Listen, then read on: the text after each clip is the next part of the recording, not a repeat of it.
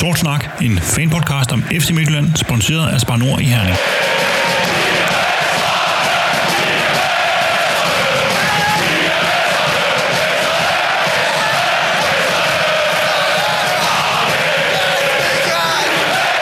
Velkommen til Sort Snak, fanpodcasten om Regionshold, Danmarks nummer 1, de danske mestre fra FC Midtjylland.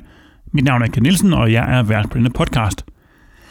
Det har været en kort vinterpause, og selvom vi den seneste uge har lavet en udsendelse om de pågående stadionforbedringer på MCH, samt en status på transfervinduet, så ventetiden ikke skulle blive alt for langt, så er det fedt, at vi nu endelig igen kan komme til at tale om det, som det drejer sig om, nemlig kampe på banen om point og det danske mesterskab, når Superligaen nu igen er begyndt.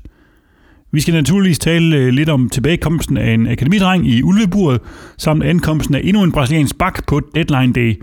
Men ellers er hovedfokuset i denne udsendelse på optakten til forårets Superliga og pokalturnering, og selvfølgelig torsdagens kamp mod Sønderjyske.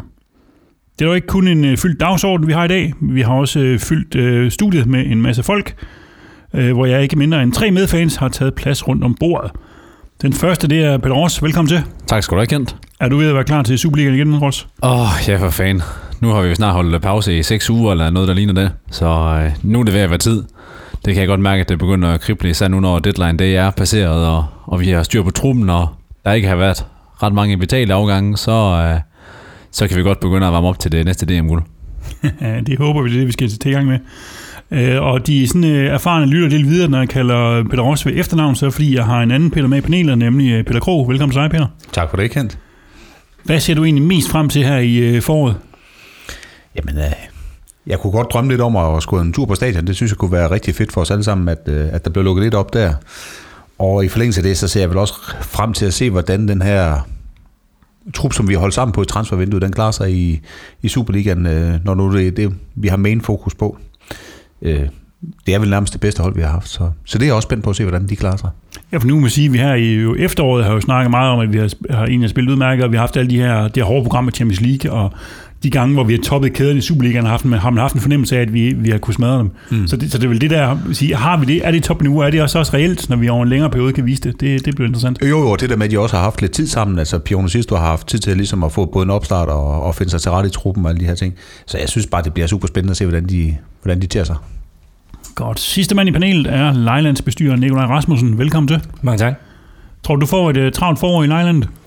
Ja, men der er i hvert fald uh, mange kampe i det her forår, sådan uh, øh, sammenlignet med normalt og, og komprimeret, og nu starter vi jo i vinterforhold, og ja, det bliver spændende. Blandt andet også at se, nu begynder man ligesom at skulle følge lidt med i den velrenommerede klub Pau, øh, men det kan vi jo altid komme mere tilbage til. Se om øh, George han for en gang skyld begynder at, at score lidt kasser, eller bare få lidt spilminutter der er mange ting, der er spændende i foråret.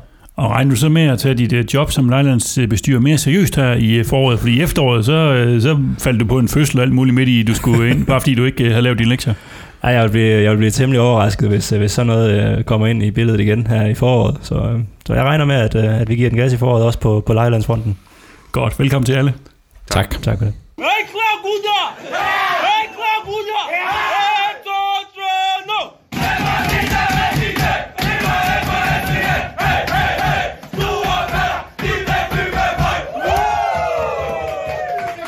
For under 24 timer siden smækkede transfervinduet i, og traditionen tro, så blev det igen Benham Time i år, da FC Midtjylland brugte mandagen på at hente et par spillere ind.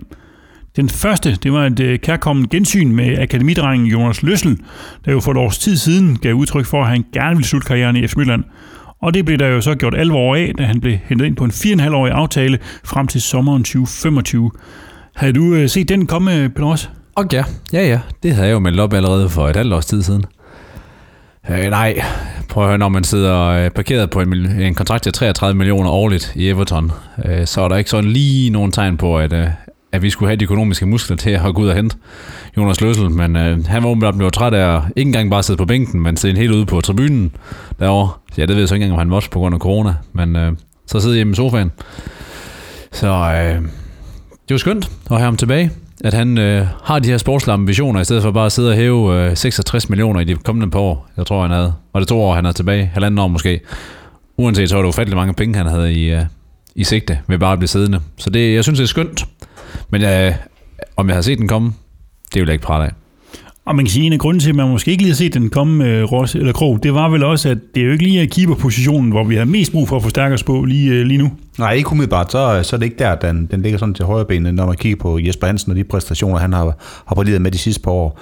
Altså, han har jo gjort det decideret fremragende. Det må være hans øh, dopsatest, som gør, at man føler, at man har brug for at, at agere i det her vindue. Og jeg må sige, at jeg ikke Jonas Løssel gå direkte ind og overtage første keeperrollen. Jeg tænker lidt, at det er et spørgsmål om, han skal måske lige vise sit værd og banke lidt rust af, og, og så er det måske næste sæson, han skal, han skal ind og være første keeper. Ja, for man sige, det her det, det sker vel måske sådan en halv til et helt år for, for tidligt, sådan timingsmæssigt. Øh. Ja, det kan du godt argumentere for, at det er lige, lige en postgang for tidligt, øh, han kommer ind, men, men det er vel nu, chancen er der, og, og man kan sige, det, det næste halvår synes jeg heller ikke, at det er spildt. Altså, det er jo ikke fordi, at uh, Jonas Løst kommer og har været fast keeper nogle steder, så, så er det fint nok at få ham ind uh, implementeret i truppen.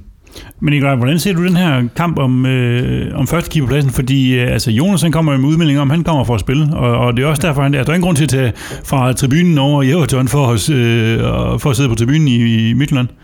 Nej, altså omvendt ville det også være underligt, hvis han meldte ud, at han kom for at hygge. Så altså, selvfølgelig skal han sige det. Men altså, det vil nok være lidt en kold klud i hovedet på, på, på Jesper, hvis, øh, hvis Løsse går direkte ind fra start efter at have sat, sat stille i ja, et år eller halvanden år, eller hvad han har, han har sat og kigget fodbold over England.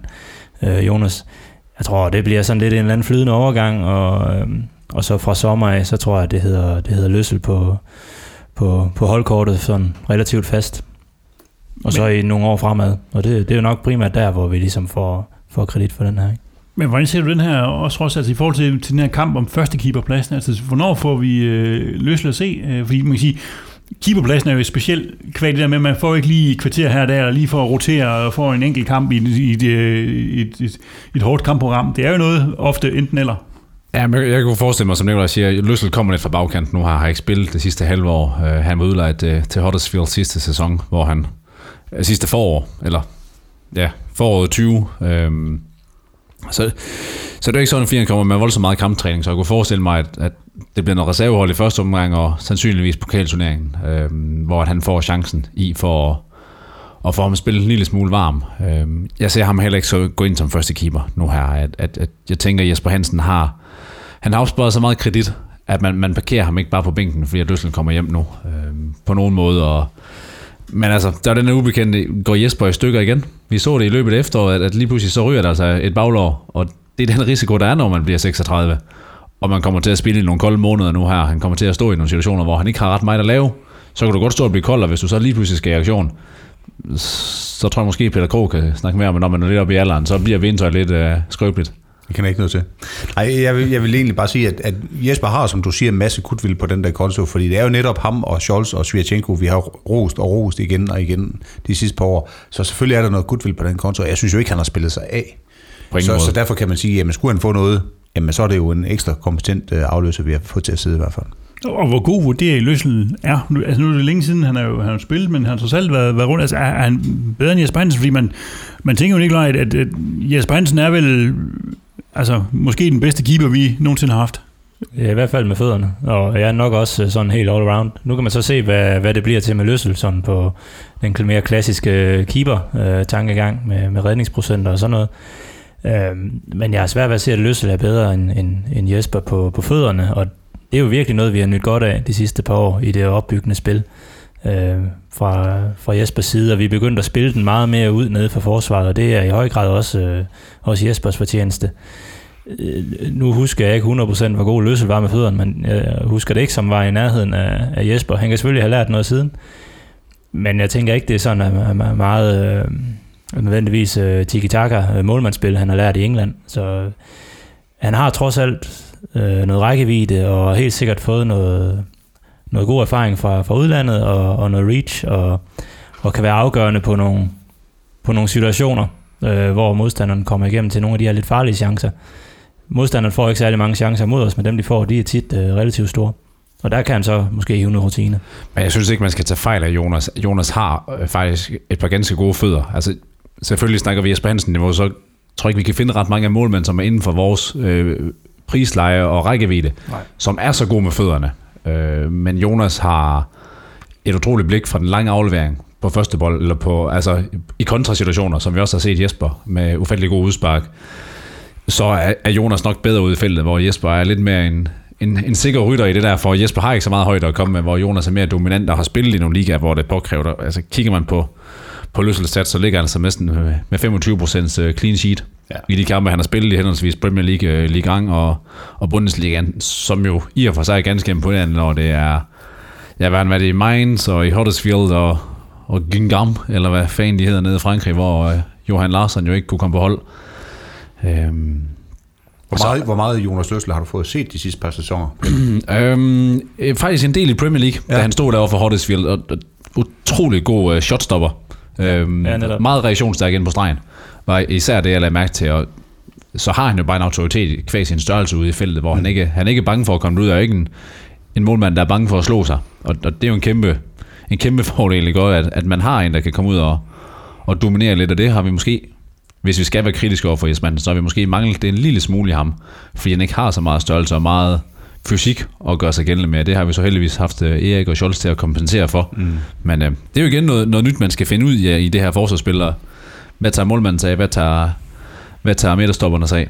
Og det, og det er også noget af det, der kan gøre, at det ikke bare sådan er, er, er plug, and, plug and play med om Krog, fordi det faktisk giver nogle... Altså Jesper Hansen har givet nogle andre facetter i vores opspil, øh, og, og den måde, vi spiller på, hvor, hvor hvis du pludselig skifter, skifter til en keeper, der på en anden måde kommer mere ud i feltet, ikke er, er så god med fødderne, så skal du pludselig spille øh, anderledes. Ikke? Fordi vi ser nogle gange, at modstanderholden opgiver pres højt på os, fordi de ved, at vi kan bare lægge tilbage til Jesper, og så, så far, er der ingen far ved det. Plus den ekstrem tryghed, det giver for vores midterforsvar eller forsvarskæden i det hele taget, vide, at Jesper står der, og man altid kan spille den tilbage, fordi det sker der ikke noget ved. Øh, så så det, det kommer til at påvirke den måde, vi bygger spil op på. Det er jeg slet ikke tvivl om. Men og, og hvor stor en sejling er det her egentlig, Ross? Fordi hvis man, hvis man nu kigger på, på hans stats, Exertes, Så så, som du siger, han har spillet jo i Premier League, der har han fået 69 kampe, han har spillet i Ligue 1, der har han fået 67 kampe, 27 kampe i, i, i Bundesligaen har han også, øh, og så 15 i Championship. Ikke? Men, men altså bare i, i top 5 ligaen, der, ikke, der har han jo 150 kampe. Øh, altså det er jo ikke ofte, vi får en spiller til øh, den danske Superliga med sådan et CV. Nej, det er det ikke. Øhm, jamen, hvor stor en signing er, det er altid svært at, at lave sådan en målestok, men i forhold til, at den spiller i sin bedste fodboldalder, så er det relativt stort. Øh, så er det et stort navn og en stor kompetence at kunne hente ind for 160 kampe som målmand, som jo altså, der er kun en, der spiller som målmand. Det er ikke noget med, at du lige kan liste ind og spille 20 minutter hist og pist, og så tæller det stadigvæk som kampe, hvor du skal helt ned og grave statistikken for at se. Her er det sandsynligvis 90 minutter hver gang i 160 kampe i de her ligaer. Mm. Det, er, det er meget imponerende. Øhm, af målmand er der vel næsten kun Kasper Schmeichel, der danske målmand, der, der kan præstere, der kan præstere bedre øh, rundt omkring. Senere Rønnov, hvor svært han har på at sælge Schalke, som ligger håbløst sidst i Bundesligaen, er han ikke på hold, har øh, varmet bænken ufattelig længe i Frankfurt. Så det er ikke bare en selvfølge som målmand at gå ind og få så mange kampe, så det er... Øh, jeg tror godt, vi kan glæde os til at, at se ham, når han er spillet varm. Det er en god pointe, Peter. Ja, fordi, fordi som jeg ser det, så, så er Løsseldal jo den, den største signing, der er lavet i det her vindue øh, til Superligaen. Altså, når, der er ikke nogen, der kommer i nærheden med CV. Jeg ved godt, der er en uh, spiller, der er kommet til et eller andet uh, hold over på øen. Men han har jo uh, 50 kampe mindre i top 5 ligaer uh, ja, end Løsler. Ja, bestemt. Og jeg tror, jeg tror grunden til, at det sådan har været måske underspillet en lille smule sådan, uh, i den store presse. Uh, det er måske fordi, at man tænkte, at jamen, hvor stor en forstærkning er det, fordi de har jo allerede en virkelig, virkelig god målmand, og de kan jo ikke spille med begge to samtidig. Jeg tror, det er derfor, det ikke sådan har, har, har givet flere ringe i vandet. Og en ting, der, der jo måske kan være interessant med, med Løsland Krog, det er jo, at øh, han er godt nok øh, 32, men han har aldrig, han har aldrig vundet noget. Så Nej. han kommer jo også med en eller anden... Øh, en, en, en sult efter at tilbringe en, del, en del år i, i bundklubber. Ja, men helt klart, han kommer der med en masse motivation. Og kan man sige, skal man have en målmand, der måske fint nok han har stået i bundklubber, sådan der var. men, men det kan også noget med det med hele tiden holder sig skarp, for du kan sige, en, en Jesper Hansen, som jo øh, har spillet Champions League, har vundet DM, har vundet det, altså man siger, her får vi en spiller ind, som, som, som jo mangler alt det her på sit tv, altså alt det, som, som, som, også som klubben har opnået de seneste. Det siger han jo selv øh, øh løs ikke? Altså, jamen, det klubben har forandret sig, ikke? Det det var, han tog jo afsted, lige da det hele gik galt, ikke? Eller lige da det hele startede, sådan set, ikke? Altså, så, så det kan også være en måde at holde, holde sulten i, altså, i, øh, i truppen. Afgjort, jeg, jeg har selv mødt en spiller, der er så agerig og så ambitiøs, som Jonas altid har været. Øh, Jonas er nogenlunde jævnaldrende, som jeg, jeg har kendt ham på færd gennem hele min ungdom. Øh, altså, han har altid været ekstremt sulten. Øh, Jeg kan huske, at jeg, jeg tror, han blev smidt på bænken til en kamp op i Aalborg faktisk, fordi han havde stor svin Christian Bak til til en træning, fordi Christian ikke havde gjort det godt nok, hvor din mere eller mindre ven i slåskamp, så vidt jeg lige husker det, og- og Glenn faktisk endte med at statuere et eksempel over for Jonas og sige, at det er godt nok, det er godt nok du er sulten, men det var måske lige over grænsen det her. Øhm, og det, det siger jo noget om Jonas som type, og jeg tænker ikke, han er mindre sulten, så jeg tænker, når han siger, at ambitioner har ikke nogen landegrænser, at, at så mener han det ikke. Det er ikke fordi, at nu har han fået, lad os sige, 50 millioner mere fra Everton, at nu vil han bare hjem og fede den, og så hygge sig og få sine børn hjem i, i danske skoler og have det godt herhjemme. Jeg tænker, han er kommet for at vinde noget.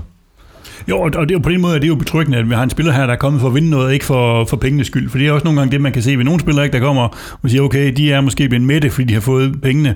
Men Jonas står som, som 32-årig og siger, jeg har ikke, altså de her ting, man husker, når karrieren er slut, altså det er jo mesterskaberne og ting, altså, ikke? og han gerne vil have nogle af de minder også med os.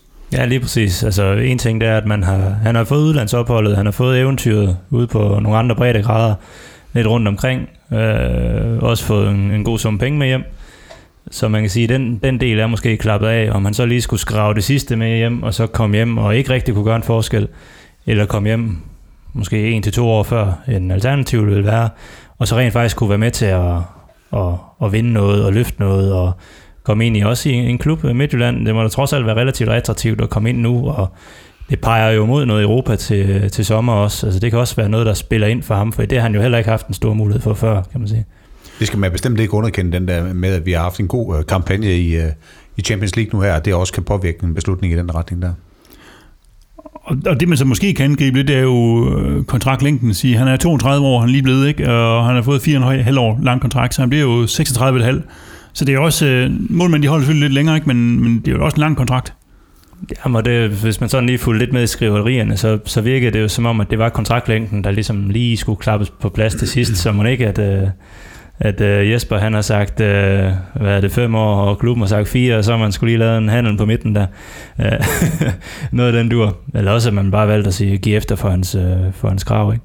Og det er også fair nok, at når han ligesom vælger at komme hjem, jamen, så skal det også være fordi, at det er, altså, at, at han kommer hjem til noget, hvor han kan være sikker på, at hvis fysik, fysikken ellers holder og sådan noget, så er det et sted, han kan være øh, den resterende del af hans karriere. Men jeg synes også, det sender et signal fra Jonas' side at skrive under på en kontrakt, der er fire og et halvt år. Det er ikke et signal om, okay, nu kommer jeg lige hjem i to år for at få karrieren på ret køl igen, få nogle kampe, og så vil jeg afsted igen. Det er et signal om, at han er kommet til Midtjylland for at spille. Skulle der så om et par år dukke en mulighed op, fordi han har stået så godt. Det er så, hvad det er. Det er det for alle vores spillere. Det er det også for Scholz, og for Erik, og for Pione, og, og, og vi kan blive ved med at nævne dem. Men for mig er det et signal om, at han committer sig til projektet ved at skrive fire og et halvt år. Lige præcis, ja. Hvornår ser vi ham øh, i kamp? Jeg tror, vi ser ham for første gang i en, øh, i en pokalkamp. Om det bliver den første, eller om det bliver det første, øh, jo forhåbentlig, allerede- når vi går videre. Det er allerede næste uge, der er en første pokalkamp. Ja, men øh, det kommer meget an på hans forfatning. Om øh, jeg kunne forestille mig netop, som du siger, Peter, så dedikeret som han er, at jeg tror ikke, han er en mand i dårlig form, der kommer hjem. Det er mere kamptræning. Øh, og man vælger ligesom at statuere et eksempel om, at øh, jamen, nu har vi to øh, lige, øh, ligeværdige målmænd her, i hvert fald her i foråret, og så siger så kører, øh, så kører Hansen i, i Superligaen og, og Løssel i, i pokalen. Det må vi se. Men mindre han er så rusten, at man lige giver den lidt længere. Ja, fordi så vidt jeg ved, så er reserveligaen aflyst her i foråret på grund af corona, ikke? så der er ikke, altså han, han skal spille i form i rigtige kampe, kan man sige. Så, så det er jo også, øh, vi så jo en Belhamid, der fik nogle øh, chancer for et par år siden, Krog, øh, i, oppe i Aalborg, og så en pokalkamp på øh, Boldby Stadion. Øh, Mm. det, det, der så han lidt rusten ud. Ja, men jeg tror også, Jonas han kan gøre det lige så godt med den ene hånd bundet på ryggen, som Wilhelm ikke gjorde i de der kampe der. Det er svært andet i hvert fald. Godt. Det bliver spændende at se, hvornår vi får Jonas at se. Øh, men der, han var ikke den eneste, der dukkede op, for der var en øh, anden mand også, der var kom ind ad døren øh, i går, og det var den øh, lovede venstre bak, som øh, Svend Graversen også lovede os her i, øh, i sidste uge. Øh, og, men han tog så ikke imod mine tips øh, om de spillere, der skulle være. Øh, I stedet så tog han til Azerbaijan for øh, at lave en kort lejeaftale med en tysk ejet brasilianer øh, med det sådan øh, fodboldklingende navn af Ilton. Og der er så tale om sådan en 26-årig brasiliansk venstreback, der er eller der er ejet af Stuttgart, ja, men har været udlejet i, i en helt lille omgang. Seneste Karabak, øh, uden den sådan øh, helt store succes her i sidste omgang. Det, det- altså, det var jo meget eksotisk, der jeg fik nævnt øh, nærmest, flere verdensdele her i, den her oprisning af, hvem han var, øh, Peter Ross. Øh, er det overraskende, at man valgte noget eksotisk, øh, og ikke noget sådan mere øh, jordnært? Åh, ja. Om det er overraskende, ved jeg ikke. Jeg tror, man... Nu snakkede vi jo med Svend, i, med, med Svend der i sidste uge, og han, altså, Svend er en fedt spiller. Han vil jo ikke rigtig ud med noget. Men jeg synes godt, man kunne høre mellem linjerne, at nu blev dyr sendt ud for at få noget, noget spilletid. Så han forhåbentlig er klar til sommer, og så skulle man i bund og grund bare have fyldt et hul nu her. Og det er med en svær opgave at gå ud og finde en spiller, som i bund og grund bare bliver kastet til at skulle fylde et hul. Formentlig ikke har ret meget spilletid. Bare sidde og kugle på bænken i Danmark. Så jeg tænker, at, at man skal jo nærmest øh, til Azerbaijan for at kunne finde en spiller, der passer ind i, i, det, i det schema der, og, og så må vi se, hvad vi har hentet. Jeg tænker ikke, at Ilson han er kastet til at skulle spille ret mange kampe. Så er det fint, der kommer til at ske noget med Paulinho, som ellers bare kommer til at køre igennem, som han også gjorde i efteråret. Øhm, så ja, ja. Jeg, er ikke, jeg er ikke super overrasket over, at man ikke kunne finde en, en skandinavisk spiller, som var villig til at, at tage samme rolle. Og, og vi lavede jo i, i sidste, ja for et år siden cirka, hentede vi jo en Dion Kuhls ind, på, på, hvor vi også manglede at ligesom et hul, der, der skulle lukkes. Øh, er den her case sammenlignelig, synes du, Kro, med, med, at man tager en spiller, som man håber, der kan, der kan blive noget af, eller hvad? Det kan man måske godt vælge at tage den hat på og sige, at øh, casen minder om det, men, men kvaliteten ligner ikke helt. Altså man kan sige, med Dion Kuhls, der havde vi fået nogle bulletin om, at han godt kunne klare sig på et vist niveau, og der, der kan man sige, der er det måske lidt mere tvivl, tvivlsomt med Ailton her, hvad det er, vi får. Men han får jo et halvt år til at vise sig frem øh, til træning, og, og hvem ved, om han kan få et indhop eller en, en halv pokalkamp eller et eller andet til at vise, at, øh, at han kan noget. Ja, fordi man kan sige, øh, altså vi, vi har lejet ham ikke, og så til, til, til udgangen, når sæsonen løber ud, så er, han, så han gratis, så løber hans kontrakt ud i Stuttgart også. Så er det sådan en øh, low risk, high reward situation. Ja, det må man sige, det er, og, og er han god, og vi kan tegne med ham til sommer, og det har vi lyst til, jamen så har det jo været lykkeligt, og, og, og er han ikke noget værd, jamen, så, er der ikke, så er der ikke sket noget ved det. Kan vi sige noget fornuftigt om ham, Nikolaj? Jeg ved ikke, om du har nået at se en 8-9 kamp med ham lige for at kunne sige, hvad han er for en type. det kan jeg ikke lige prale med, at jeg har, men øh, jamen, umiddelbart så, øh, så virker han jo som sådan lidt en, en defensiv Marion George. Øh, forhåbentlig øh, en, der kan, der kan komme på banen og, og kan gøre lidt, hvis der er behov for det. Og, og det virker jo heller ikke som om, at han er en UF'en. Altså, han har trods alt også spillet i nogle klubber, og han har da fået noget spilletid, hister her. Har spillet lidt Europa League. Øh, så Ja, så, men øh, det bliver sgu spændende at se, hvad han er for en case. Øh, det virker ikke som om, han er, han er super færdig på engelsk, eller i de interviews, vi har set. Øh, så om det er sådan lidt en brasiliansk legekammerat, der er hentet op her til, at vores, øh, vores brasilianske koloni kan overleve kulden her til foråret. Det må vi se. Men øh, ja, jeg tænker, at han, som, som Peter siger, det er en, der skal lukke et hul. Og så, øh, og så må vi se, om, øh, ja, om det bliver til mere end det. Det skal overraske i hvert fald. Men man kan sige, han er jo, altså, sådan, han er 26 år, han har kun spillet cirka 100 seniorkampe. Øh, han har sådan noget erfaring fra, fra Portugal og Azerbaijan, og, og som du siger, lidt fra Europa League, ikke? men samtidig har han det der, når du sammenligner med Marian George, ikke? at det er sådan en journeyman, der har seks udlejninger øh, indtil videre. Ikke? Han er sådan hele tiden rundt og væk og videre. Så, så det, altså umiddelbart, øh, Ross, så lyder det jo ikke som en spiller, som man øh, siger, nu får vi forløst det potentiale, som alle de forløbige seks andre udlejninger. Øh, altså det, det er lige stor chance for, at, det, at George han bomber i pau, som at ham, han bliver, eller, eller, eller hvad? Jeg, jeg tror, du har ret kendt. Øh, jeg tror, man, har, man i bund og grund har taget, hvad man kunne få nu her. Øh, og altså, han har spillet 14 kampe i europæiske øh, turneringer. Øh, hvis vi tæller op her, hvad har han så spillet? Så han spillet øh, 8 kampe i, i kvalifikationen og, og 6 kampe i Europa League, og det er jo cirka 14 kampe mere, end Lukas Lea har spillet i Europa nogensinde. Øh, så på den måde er det jo en god signing. Nej, spøg til side, altså, det er totalt ubeskrevet blad, det her. Det er, jo, det er jo svært at sidde og sige noget kvalificeret om ham. Det kan være, det viser sig, at han bare brager det hele af og passer lige ind i vores spilsystem. For det er jo også nogle gange hemmeligheden, at, at spillere bliver kastet til nogle systemer, der ikke passer ind, og måske har en agent, der gerne vil sende ham lidt rundt. Men når man kan se en karriereplan, der har bragt ham to gange til Azerbaijan, så er det ikke fordi, man er sindssygt imponeret, vel? Nej, nej, det er det ikke. Men omvendt må man også have hatten af, for han har kvalificeret sig til en start 11 af de der kampe der øh, i Europa. Det, så han kan nok godt spille fodbold, tænker jeg. Det tænker jeg bestemt også. Ja. Ja, men det er i hvert fald en spiller, som er lidt et wildcard og en joker her i foråret, som, som, som vi jo vi ved ikke, hvor meget vi kommer til at se, og, og i princippet kan vi sige forhåbentlig ikke, fordi han, så det vil betyde, at Paulinho er, er skadet, øh, men det kan selvfølgelig også være i et, i et aflastning i, i et kampprogram, det kan, det kan være nødvendigt. Øh, men nu har vi i hvert fald på sådan, øh, til prøvetræning i seks måneder, kan man sige, og så kan man vurdere, om, øh, om der er noget at komme efter. Øh, hvis vi lige skal runde sådan hele transfervinduet af, hvad der skete i går, så var der også en Marian George, som vi allerede har nævnt øh, flere gange, der, der, der røg til Pau i League 2 til sommer. Og øh, det, øh, det er lige noget for dig, ved jeg, Nikolaj, sige. Det, ja, det, det er rigtig fedt. Du har, du har længe øh, tænkt på, at øh, Pau, det må kun noget andet end Tour de France. Ja, men altså, hvis jeg hvis det går som det plejer, så når jeg får ham skrevet ind i min Excel-ark og Power og alt muligt andet, og så når jeg noterer ham en gang. så, så var det det, og så er han sat der noget i, i noget tid. Nej, det, det, det bliver spændende at se. Øhm, det er jo ikke, det er jo ikke, det er jo, det er jo ikke en klub i alle svenskerne, eller, eller de bedre rækker nogle steder, han ellers har været, så nu tror jeg, at man prøver lige at give, gå et gear ned, og så ser vi, om ikke, om ikke han godt kan få noget spilletid. Jeg synes, det vil være underligt, hvis man igen igen har fundet en klub, hvor han ikke kan kvalificere sig til spilletid. Så begynder der altså også at være noget i casting, som, som ikke er helt godt. Ja, men så er det spørgsmål, om det er klubben eller ham, det galt med, kan man sige. Ikke? Ja. Og jo, men øh, så må man skulle sende ham til øh, ned og spille sammen med Chumanene, eller hvor det nu var, han, han var henne, ikke? Få lidt succes. Der er, der er vist ingen, der ved, hvor han er. Jeg ved ikke, er ikke Svend, helt vidste det i sidste uge, da vi snakkede med. Jeg sagde ikke, hvor han er henne, jeg sagde, hvor han var og, og som sagt, talte vi jo med, med Svend i, i sidste uge, øh, og, og han sagde, at han ville være tilfreds med, hvis der kom et par udlejninger og en venstre bak ind i det her vindue.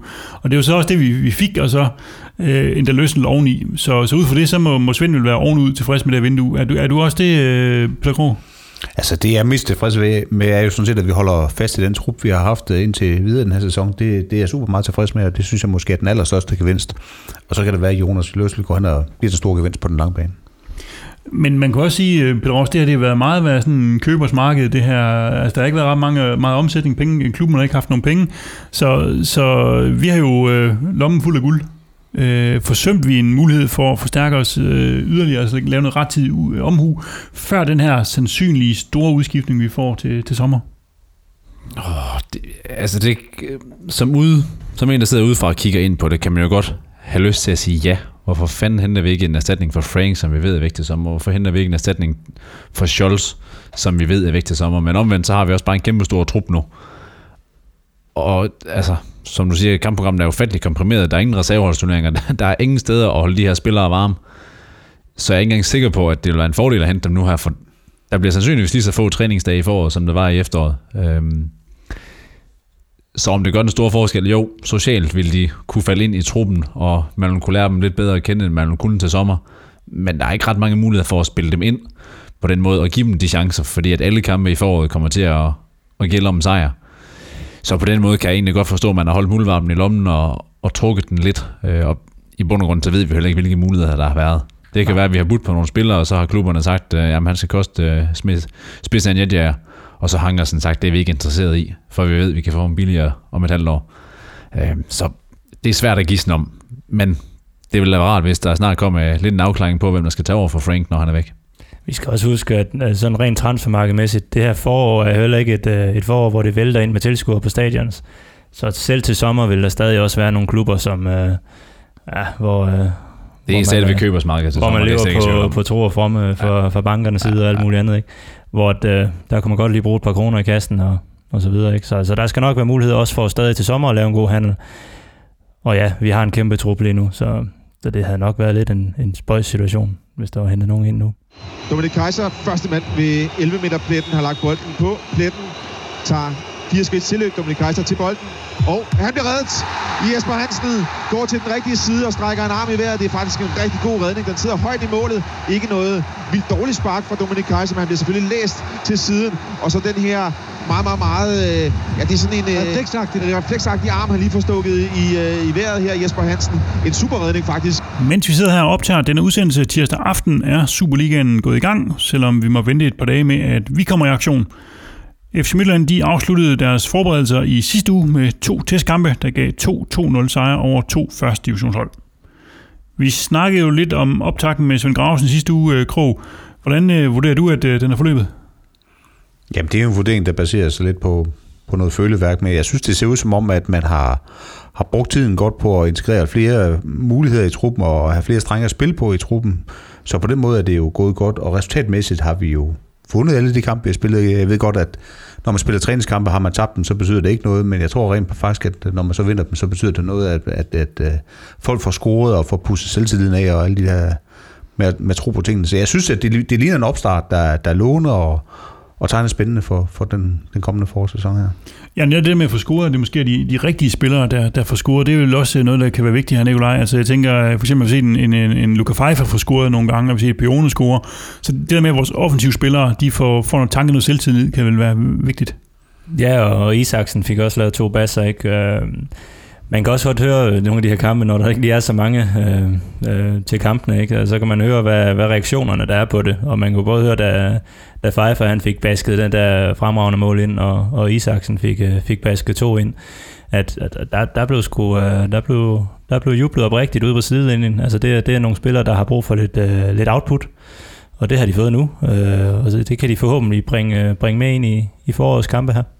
Og definitivt har det vel også set øh, fornuftigt ud, øh, Ross. Øh, der der kun blevet indkasseret et enkelt mål. Det var da vi var stillet over at spille reserveholdskamp mod, mod OB, hvor vi lavede lidt en brøler ned i forsvaret godt nok, men, men det er vel ikke det er vel, som vi gerne vil have det. Det er svært at brokse over i hvert fald, at man ikke har lukket mål ind. Øhm, ja, altså der er, der er jo ikke så meget at sige der. Som, som Krog siger, resultaterne af træningskampen er sjældent vigtige. Når man vinder dem, så er de sindssygt vigtige, og når man taber dem, så er de overhovedet ikke vigtige. Øh, men det man kan tage med, det er jo netop, at, at forsvaret spiller til 0, og og i grove træk har holdt modstanderne fra at, at lave mål. Nu har vi selvfølgelig ikke set øh, kampen ude fra Aarhus, eftersom den ikke rigtig blev streamet. Øh, det kan man åbenbart ikke gøre, når man kommer fra Aarhus. Men øh, kampen mod OB i hvert fald også Silkeborg Esbjerg. Silkeborg Esbjerg skal vi selvfølgelig også holde fra chancer. Altså det er første divisionshold. Dem, øh, dem skal vi gerne kunne, kunne tæmme. Øh, men OB holdt vi jo stort set også fra chancer i de 60 minutter, vi stillede stærkeste mod stærkeste, og så er jeg med på, at, at de får prikket en enkelt ind med reserverne, men skabte jo ellers heller ikke det voldsomt store mod vores reserveforsvar. Så meget for, meget, øh, hvad hedder sådan noget, opmuntrende. Og, og noget af det, som jeg har bemærket i de her kampe, som jeg har set, det er jo, at vi har været relativt dominerende, synes jeg. Altså, vi har, altså den her, vi har fået noget, noget træning i at spille mod etableret forsvar, som også var en af de tendenser, vi så i, i efteråret. Det var, at vi havde meget mere boldbesiddelse, end vi normalt har. Fordi normalt har vi jo ikke rigtig gået så meget op i boldbesiddelse, men vi har ligesom både fået og taget meget boldbesiddelse. Så det, så det kan jo godt være, være en god ting, Nikolaj, at få, simpelthen få trænet den del af det. Ja, meget bekendt, meget bekendt, der var vi det hold, der havde bolden mest øh, i, i løbet af efteråret. Øh, og det er jo meget uvandt for os, øh, og særligt når vi kigger lidt historisk på det. Ikke? Der har vi altid været, været, været kontraholdet og bullerholdet. Ikke? Øh, men vi er gået mere og mere over til at, at øve os i det her bold. Øh, tiki-taka er det ikke, men, øh, men at spille den godt rundt og skifte sider og, og baksene, der kommer i, i, i overlap og så videre, ikke? Og, så, så, så det, det er opløftende også, at vi har lige kunne træne det lidt af nu, fordi nu står vi over for, øh, ja, for Sønderjysk, og det ved at vi kommer ind på, men, men det var det hold, der pressede mindst højt. Det lyder lidt underligt, men, øh, men øh, i færrest minutter i kampene i efteråret presset højt. Så det er øh, sandt for dyden et hold, der kommer til at stå lavt, øh, hvis i hvert fald de, de ikke har ændret noget radikalt i, i vinterpausen her. Så det er godt at få, få pusset det lidt af igen. Nu er det ikke, øh, der er ikke blevet skiftet så meget ud i truppen, som vi lige snakkede om tidligere, øh, og det gør jo også på en eller anden måde, at det var en lidt kort opstart, og det gør, som jeg har set det, jeg har svært ved at se, at der er sket nogen sådan forskydning af truppen. Altså, nogle gange kan man tale om, at der er nogle vinder og tabere, nogen der er i en plads, og nogen der har, er blevet overhalet øh, også, men, men jeg har haft svært ved at, altså, at se nogle ændringer. Det er som om, det bare har været business as usual.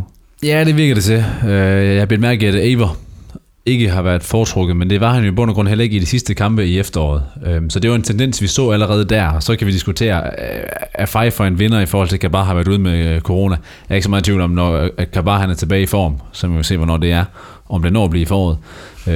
At så han igen første valg, med mindre Pfeiffer går ind og beviser sig i ligaen, for at han har scoret mod, mod OB, og han har scoret mod Silkeborg.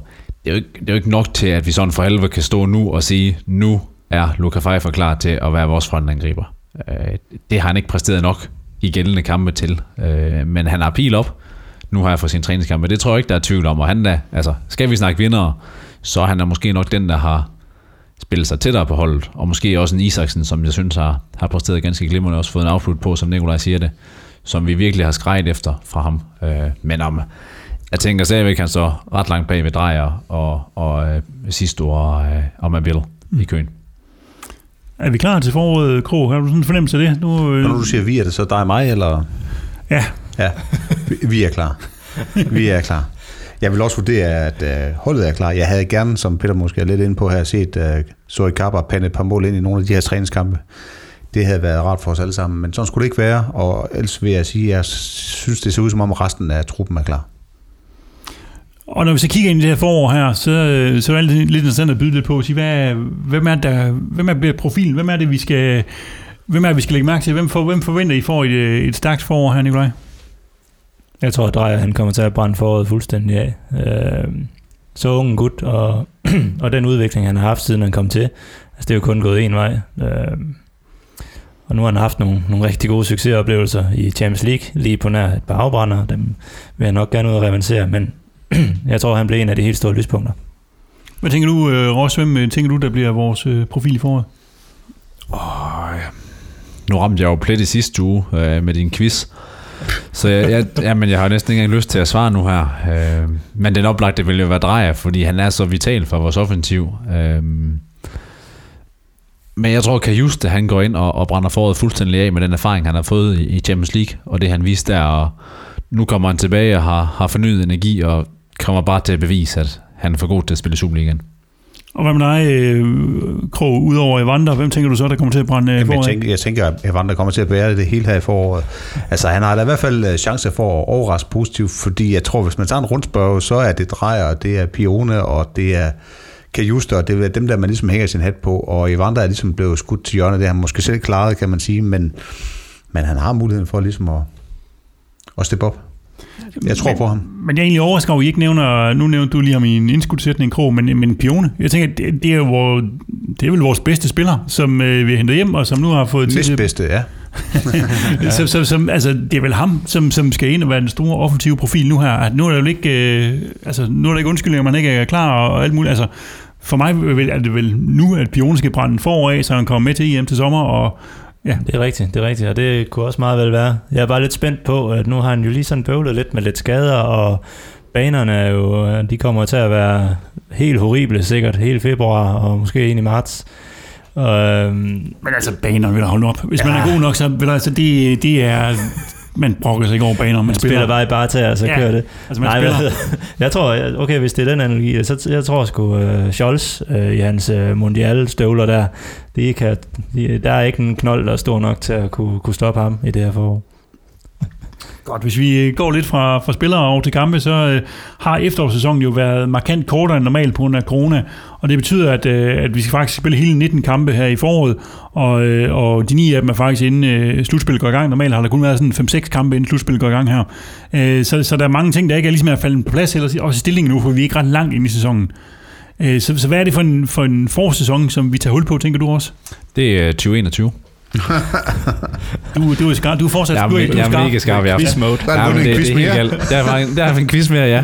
Hold kæft, det kører godt. To, øh, to sejre på to udsendelser nu her. Jeg er brandvarm. Jeg er brandvarm. Ej, det, det bliver et sindssygt komprimeret forår. Øh, det tror jeg kommer til at blive overskriften. Især når vi når længere hen. Øhm, for som du siger, at vi spiller langt færre kampe i efteråret, end man normalt gør. Så vi kommer til at spille tilsvarende flere kampe i foråret, end man normalt vil gøre. Er det alle hold, der kan klare at spille 19 kampe i løbet af, ja, hvad strækker han så over, små fire måneder. Det er jeg spændt på, om der er nogle hold, der kommer til at gå lidt kolde øh, hen i mesterskabsspillet, hvor at, at vi kommer til at spille tæt på hinanden, og vi kommer til at spille intensive kampe, at, at det kommer til at slide. Det kommer til at sætte, uh, sætte nogle krav til nogle spillere, som der måske er nogle hold, der ikke har været vant til os. Der kan man sige, der har vi jo nogle erfaringer med fra, fra efterårssæsonen især, øh, som vi forhåbentlig kan drage nytte af, når vi når derhen. Det tror jeg bliver en helt stor overskrift. Ja, fordi man kan sige, udover de her 19 kampe, der er i Superligaen, ikke, så er der potentielt fem pokalkampe, fordi man har valgt, at det skal dobbelt opgøre her fra kvartfinalen allerede. Så, så princippet er det 24 kampe, der skal, der skal afvikles på kort tid. Og hvis vi, hvis vi starter med lige at kigge på, hvordan kampprogrammet sidder i starten, Krog, ikke, så starter vi jo med at spille fem kampe på 16 dage. Ikke? Vi spiller torsdag, mandag, torsdag, søndag, fredag. Altså, det er jo sådan et europæisk kampprogram faktisk. Altså, er vi som, som, som Ross siger, øh, på grund af, at vi nu har vi erfaring fra efteråret, er vi så bedre rustet til det her end, end andre hold? Altså, jeg vil vurdere, at vi har en, øh, en bedre kvalitet i bredden end, end, end de fleste andre klubber, og det vil gøre, at jeg, jeg vil svare, at, at jeg synes, vi står bedre rustet til, til så komprimeret kampprogram øh, end andre klubber, fordi vi godt kan tåle os med en Daniel Høgh eller Eva Mabille, er han pludselig også blevet en marginalspiller. Eller, alle de der, man kan sige, vi kan tåle nogle udskiftninger og stadigvæk holde et højt niveau på vores hold derfor vil jeg sige, at vi, vi ser godt ud. Det synes jeg fandme, at vi gør. Men vi så jo også i, altså der var ligesom i efteråret faldt ligesom i to, øh, altså der var ligesom to typer af strategier, vi brugte, ikke? Hvor i starten af efteråret, der var der meget rotation, hvor vi brugte Superligaen, brugte vores, altså B-kæden, kan man sige, øh, hvor vi også fik nogle pointtab nede i Horsens og andre steder. Øh, og så i slutningen af, af efteråret, der kørte vi bare igennem med A-kæden hele vejen igennem stort set. Alle, der kunne spille, spillede. Øh, så, så hvad tror du, der kommer til at ske her, øh, Nikolaj? Altså, er det, var det fordi, vi kunne skimte slutningen på året, vi kørte igennem, eller kan man forestille sig, at man allerede her fra start kører igennem? Jeg tror, at en af årsagen til, at man valgte at køre igennem der til sidst, det var, at netop man kunne skimme slutningen. Og det sagde de jo også, altså, da, da vi var igennem øh, til sidst, der var ikke mange procenter tilbage i spillerne. Altså, der havde man virkelig øh, givet den gas. Øh, og det var også en årsag til, at de lige fik en uges ekstra ferie nu her, ikke? for lige at komme øh, fysisk, men egentlig også mentalt øh, tilbage igen. Jeg kunne godt forestille mig, at man, man kører rimelig lige på øh, her i, i foråret, og så laver nogle rotationer på nogle enkeltpladser hister her, øh, snarere end at skulle tage at skifte et helt hold. Men vi så jo for, øh, for to år siden, øh, Ross, øh, hvor vi ligesom kørte øh, et par løb med FCK frem til slutspillet, og så øh, da vi kom frem til slutspillet, så knækkede filmen ligesom for os, og vi, og vi faldt sammen. Øh, og, og, for der kommer mange af de indbyrdes kampe mod stærke modstandere. Så det, det handler også om at være skarp og stå klar til, til slutspillet. Der må man for, for alt i verden ikke gå ned i kadence. Altså den sæson, hvor vi havde parløb med Brøndby og gik ned i slutspillet og blev mester. Nej, året efter, nej. hvor det var med FCK. Oh, for fanden. Jeg kom Jamen, sidste sæson. Nej, det var, der tabte jeg sgu en quiz. Du er faktisk en taber. tak, tak, Kåre. Kan vi komme tilbage til spørgsmålet? Ja, vi havde for, for to år siden, så havde vi jo det her kapløb med FCK, hvor vi ender med i øh, slutspillet af de sidste 10 kampe, vi taber simpelthen. Vi går, jeg tror, vi er et eller to point efter, da vi går ind i slutspillet, og så taber vi. FCK gør sådan set rent bord, jeg tror, de vinder de første syv i slutspillet. Mm. Og vi taber og har ligesom tabt det efter fem kampe i slutspillet. Ja. Fordi vi, vi, i stedet for at steppe op, som vi snakker om, vi skulle der, så faldt vi i kadence. Øh, Jeg, jeg tror, man har taget nogle erfaringer med fra dengang i forhold til at, at fordele spilletiden, og i forhold til hvilket mindset man kommer ind med. For, godt nok var vi mestre, da vi kommer ind til, til det her slutspil, men FCK sætter bare pedalen i bund, og så er det som om, vi knækker måske, måske mere mentalt øh, end rent fysisk. Og, og det mentale har jo bare så meget at sige i, i, et, i topfodbold, at, at hvis du ikke er der, jamen, så taber du de her kampe, især når vi kommer i mesterskabsspillet, hvor alle kampe er svære. Øhm, og at der oplever vi, at jeg er et helt andet sted. Jeg er mere spændt på, hvordan vi kommer til at forvalte spilletiden i de her 19 kampe, og om vi kommer til at køre øh, den her start 11 og kommer til at satse på den fuldt ud, eller om vi kommer til at rotere lidt mere. Jeg tror ikke, vi kommer til at se de her 5-6 mands roteringer øh, længere. Det tror jeg ikke. Det tror jeg, at Friske har fundet ud af, at, at det er ikke holdbart, for du ødelægger simpelthen for mange mekanismer i spillet. Øh, men som du siger, Kro, vi har en, en Daniel Høgh, som man kan rotere ind uden det er sådan en markant øh, svækkelse. Vi har en Joel Andersson, der kan aflaste på begge baks. Vi har en Mabil, der kan aflaste på begge kanter. Øh, afhængig af, hvad man tænker med, med 10 position, om det er Vandre, der skal handle, eller hvad det er. At så har man en Lasse Vibe, der kan komme ind. Vi har en Luca Pfeiffer, som måske serveret ud til at aflaste en Kabar. At, at vi har nogle, nogle muligheder for at, at give noget spilletid til nogle øh, spillere, eller hvad skal vi, vi kalde dem, uden at vi Nu, måske uden for meget ned. uden vi falder så markant i niveau, som man ja. vil se ved for eksempel Brøndby, AGF, FCK er ved at have en bred trup nu her, men Nordsjælland, øh, sådan kan vi fortsætte, at hvis de skal ud på mand nummer 14, 17, 15, 16, 17, 18 stykker, så begynder deres niveau at falde for meget, og det, det er der, vi skal trække fra, for der er ikke nogen hold, der kan køre igennem 11 kampe med de samme 11 spillere. Det nægter jeg simpelthen tro på, for der vil opstå skader, der vil opstå karantæner, der vil opstå det ene og det andet. Og vi, vi ligger jo nummer et i øjeblikket, Nikolaj, men øh, med, med mindst øh, mulig marken, fordi bare på bedre målscore. Øh, og det er faktisk en ret tæt øh, top, der er i, øh, i ligaen med kun syv point ned til 6. pladsen. Tror du, det bliver ved med at være på den måde, at det bliver en, en tættere liga, end vi har set øh, de senere år, hvor der jo normalt har været et eller to hold, der er stukket af? Det kunne godt være at blive, blive tættere sådan i ja, et stykke vej hen, men jeg, jeg tror faktisk oprigtigt på, at vi, øh, at vi kunne, vi kunne lige stille træk fra og ligge med et lille, lille forspring, inden, uh, inden slutspillet uh, starter op her. Fordi igen, vi kommer lige med... Altså, vi kommer lige fra, fra et efterår med rigtig mange kampe, og har haft... Øh, der har lige været en uges ekstra pause, spillerne er sultne igen, der er kommet lidt... Øh, lidt øh, nye bekendtskaber ind i truppen, øh, og ellers så er det spillere, der kender hinanden, der kan fortsætte i samme klinge. Øh, og, og det kan godt være, at der er nogle af de andre hold, der lige skal omstille sig til, til et lidt mere sammenpresset kampprogram, og, og alting starter lidt pludseligt op her tidligere end, end vant til. Så jeg, jeg tror faktisk på, at vi godt kan ligge rimelig komfortabelt, når mesterskabsspillet øh, starter op. Og så kommer, tror jeg, at det kommer til at afhænge rigtig meget af, hvilke skader rammer nøglespillere på, forskellige, øh, på de forskellige hold, der ligger til i mesterskabsspillet. Fordi vi starter tidligt, og det er koldt, og, og jeg tror, der kommer nogle knoldede baner hister her, så, så er nogle spillere, der kommer til at slå sig lidt på, og mange kampe, der kommer skader, og der tror jeg bare, at vi står med en bredere trup end, end langt de fleste. Men noget af det krog ligger jo også i, at vi skal have ramt en steam. Fordi når jeg kigger på vores øh, efterårssæson, så har vi ikke på noget tidspunkt vundet mere end to kampe i, i streg. Jamen helt klart, det har der været en af de store cases, der har været i efteråret. Det har været det her med, at vi ikke har fået den her stime, som vi har været vant til. Men det, det kan jo skyldes flere ting. Det kan jo også skyldes det, vi prøver at tale til her, at der har været kæmpe store udskiftninger i nogle af Superliga-kampene, hvor man har skiftet to tredjedel af holdet nærmest.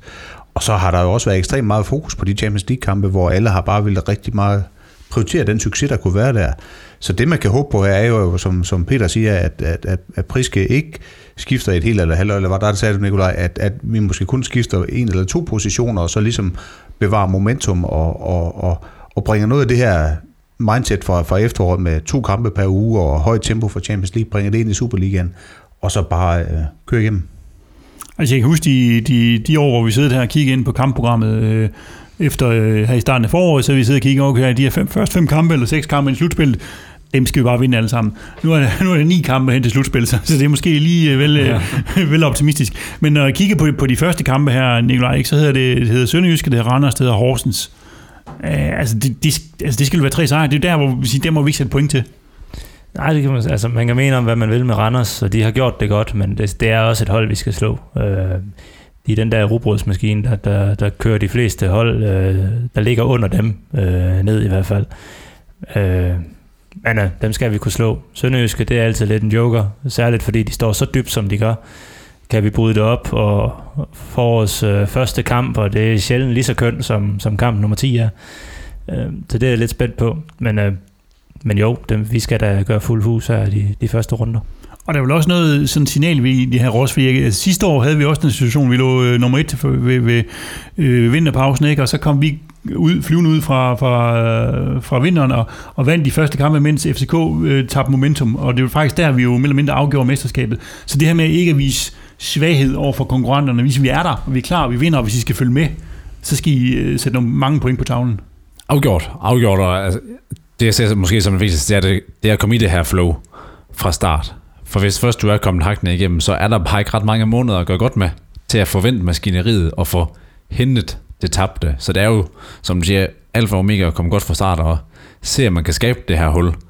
Eller i hvert fald sende signal til konkurrenterne om, vi giver os ikke. Så kan det godt være, at de får en lige så god start, men kan de holde kadencen over lige så lang tid? Nu vender vi tilbage til den her brede trup, men det er forhåbentlig det, der kan, det, der kan gøre forskellen. Og, og netop når vi snakker om, om konkurrenterne, Krog, og, og de skal være vågne og sådan noget, hvem er det så? Hvem, er det, hvem ser du som vores konkurrenter her foråret? Hvem er det, vi skal være opmærksom på? Jamen, jeg må tilstå, at det er nok de samme, som jeg så de største konkurrenter i sidste sæson. Det er, Gud forbedre det, AGF og FCK, så jeg ser som de største konkurrenter. Jeg tror faktisk ikke på, at Brøndby holder i længden, når det begynder at spidse til. Det er de der to hold i vidt, jeg, jeg ser som vores konkurrenter. Og, og ser du på samme måde på det, Nikolaj? Ja, det gør jeg. jeg. Altså, hvis der er nogen, jeg frygter, så er det, at FCK på en eller anden måde får noget momentum, fordi der er spillertrup. Hvis man kigger sådan spiller for spiller, så er det sgu en rimelig habil trup. Den har bare, der har bare ikke været nogen harmoni det sidste års tid, eller måske endda længere.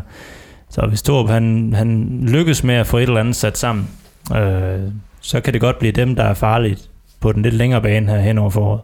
Men de, men de er syv point efter os. Altså, hvis de øh, smider tre, og vi får tre, så er vi 10 point. Så, altså, det må vi vel ikke kunne smide på... Ja, altså, der skal ikke meget til, før de er øh, langt ude i tårne. Nej, overhovedet ikke.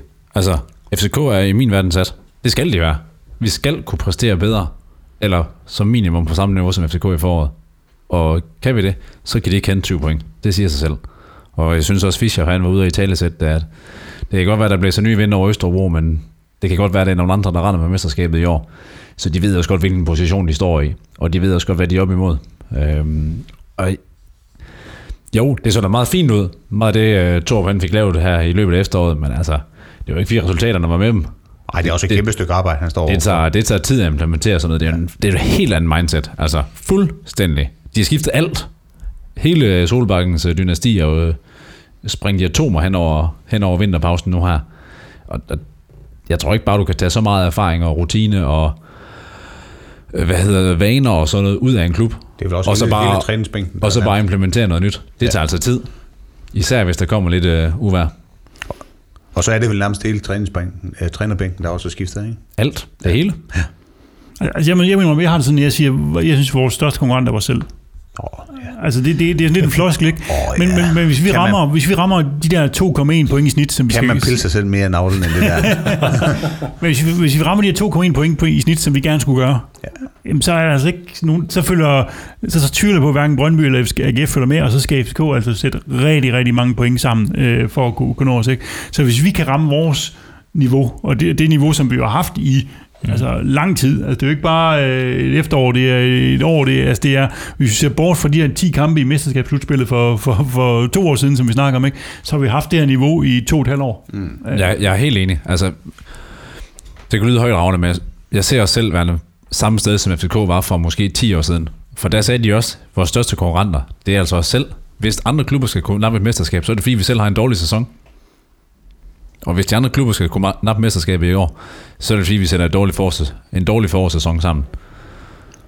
Og nu har vi jo ikke øh, Patrick Arf med i dag, så derfor så kan vi godt snakke om uh, guldchancer og guldbarometer og sådan noget, fordi det er jo, så hvordan ser det ud, Nikolaj, her, når vi går ind i foråret? Hvordan, hvad, er, hvad er guldchancen? Uha, 63,5 procent. Nej, det ved jeg ikke. Det, øh, altså nu snakkede jeg om FCK før, men det er faktisk, altså jeg tror faktisk heller ikke, at, øh, at der er den store chance for, at de henter os. Jeg tror bare, at den er endnu mindre hos de andre. For jeg tror ikke på, jeg tror ikke på, FCK, nej, på, på AGF og Brøndby på den lange bane her i foråret. Både på grund af trupbredde og, og, og det komprimeret kampprogram, som, som ingen af de to klubber ligesom har, har været vildt meget vant til. Øhm, så jeg tror sgu, den er ret god. Øh, men igen, øh, statistisk og alt sådan noget, så, så ligger vi nok stadig i 60'erne, hvis vi kører procenter på. Der rammer du meget godt det, som bookmakeren de har. Det svarer også cirka til 60 procent. Det er det odds, der okay. er hos, øh, hos dem. Er, er du også samme sted, Peter Krog? Ja, jeg havde sad måske lige at tykke på 70, men det er det, det dag der. Det er det. Og der er også, skal du også med på her, se om du kan ramme rigtigt, eller har du opgivet at gætte på flere ting i dag? Ej, men jeg kan jo fuldt om Patrick Arf. Det kan, det kan vi jo ikke sige noget om nu. Nej, nej, nej, prøv at... Om det hedder 60 eller 70, øh, så tør jeg godt øh, sige, at det ligger til os. Ja. Og man kan så sige, at oven i det her komprimerede Superliga-program, så skal vi også spille det her pokalfodbold, øh, da vi stadigvæk har mulighed for, for at vinde den også. Og, og som jeg var inde på lidt tidligere, så har man jo ændret formatet i år, så både kvartfinaler og semifinaler, og de spil som dobbeltopgør, hvor vi jo så allerede i næste uge faktisk skal spille den første pokal kvartfinalen på, på udebane mod, mod OB. Det her med de dobbeltkampe, Ross, øh, det, øh, det er vel sådan set en, en, en fordel for os, fordi det minimerer vel risikoen for overraskelser. Afgjort. Udover at det giver en lidt større arbejdsbyrde, så uh, tænker jeg da klart, at det er en fordel, fordi man ikke risikerer at løbe ind i en dårlig aften i Odense, og så taber en, en snæv 1-0 kamp. Øhm, altså, så er der i hvert fald mulighed for at reparere på det i returkampen. Øhm, så, så klart, det er en fordel, også selvom det som sagt sætter lidt, eller trækker lidt større veksler på, på spillerne i et forvejen tæt forår. Og, og hvor højt skal den her prioriteres, den her pokalturnering, Krog? Du ved, øh, jeg plejer altid at sige, at jeg har det, har det skidt med pokalturneringen, for det eneste, det eneste, der er noget ved, det er at vinde den. Uh, alt andet, det er faktisk spildt. Og, og, når vi så vinder den, så gider du ikke at være med. Så jeg ved godt, du prioriterer den ikke, du prioriterer den ikke ret højt. Det er jeg helt fuldstændig med på. Men omvendt, så tror jeg nu nok, at der er nogle i IKAS, der synes, at det kunne være ret fedt at hæve the double uh, i den her sæson. Så jeg tror ikke, at den er, er jeg skulle helt til hjørnet der. Jeg tror, man prioriterer den ret højt. Altså, det, det giver jo mulighed for at rotere en spiller eller to, men jeg tror, man går til den meget, meget seriøst. Ja, og den her, hvis vi har den her trupbredde, så er det også ja. der, vi bruge, kan bruge den. Ikke? Ja. Men, men når man kigger på de, på de andre hold, der er tilbage, ikke? altså vi skal møde OB, og så er der fra Marmar, de skal møde Sønderjyske, så er der AGF mod B93, og Vejle mod Randers. Altså, vi er jo, altså på en side er vi det bedste hold, der er tilbage, men på den anden side kan man også sige, at alle de andre, hvis vi tager på Superliga-holdene og går ud fra, at de går videre i, øh, altså at Sønderjyske, de slår fra Marmar, og AGF, de vinder over B93, så, så kan de andre hold vel satse 100% på pokalen. Altså de kan vel, øh, fordi der er ikke noget, de rykker i nedrykningsfare og sådan noget, så, så vi risikerer vel ikke at være i en situation, hvor, hvor de andre hold vil, vil øh, satse endnu mere på den end os. Ja, ja, ja, lige præcis. Og også, øh, jeg mener også, øh, hvad er det, pokalturneringen i år, den, den giver også øh, den kommer i hvert fald lidt senere ind i Europa og har den, det den, den giver faktisk et garanteret gruppespil, øh, fordi at du ryger ned og, i, du får ja. den næstbedste placering, og så ryger du ned i uh, worst case, det her Conference League. Ja, det er rigtigt. Ja. Det, er, det er jo Conference League, man sikrer ja. det. Og det er alligevel også uh, særligt nogle af, af de klubber, som ikke sådan lige ellers stiler op mod Europa League normalvis og sådan noget. Så er et gruppespil på Conference League, og der er trods alt nogle millioner at hente der, og nogle erfaringer og så videre. Det er da fristende at, at, at gå mere eller mindre all in efter dem.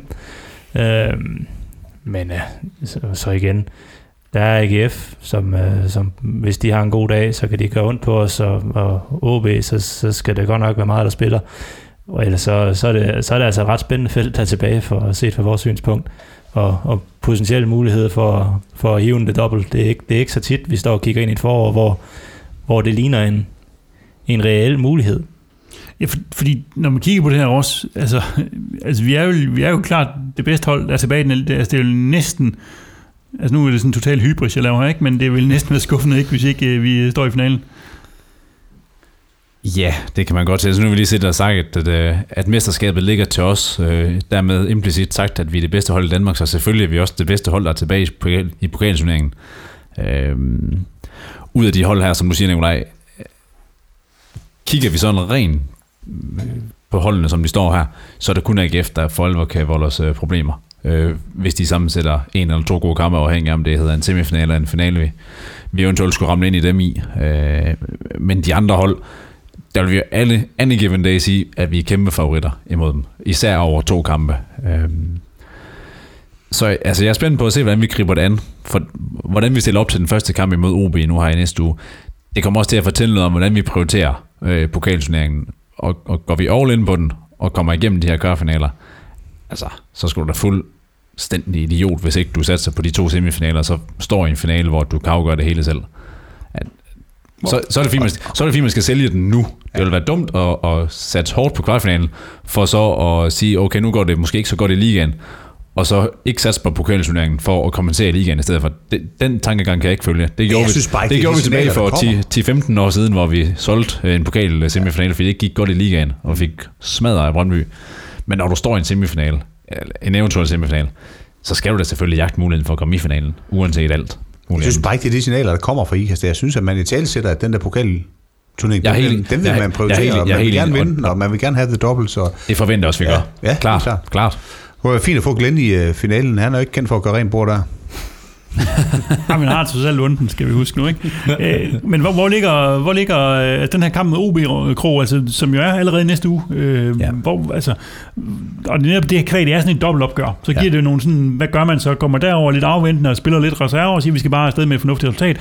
Eller går man over og siger, vi går efter lugten, øh, for øh, så har vi en, en returkamp, vi kan tage det roligt i. Jeg tror, de tager over og spiller Brian Priske fodbold derovre, og de kommer bullerne, ligesom de plejer med. Måske en udskiftning eller to nogle steder, hvis der er nogen, der enten skrænter lidt, eller der er nogen, der byder sig til. Men jeg forestiller mig ikke, at man ændrer ret meget på den måde, man spiller fodbold på i FC Midtland for en, i en pokal kvartfinale på- i Odense. Og hvis vi så øh, skal kigge på, nu havde vi guldbarometeret før, Nikolaj, så kan du få øh, pokalbarometeret. Hvor, hvor, hvad, er, hvad er vores procentsats for at vinde den, øh, når du kigger på, på det her? Oha.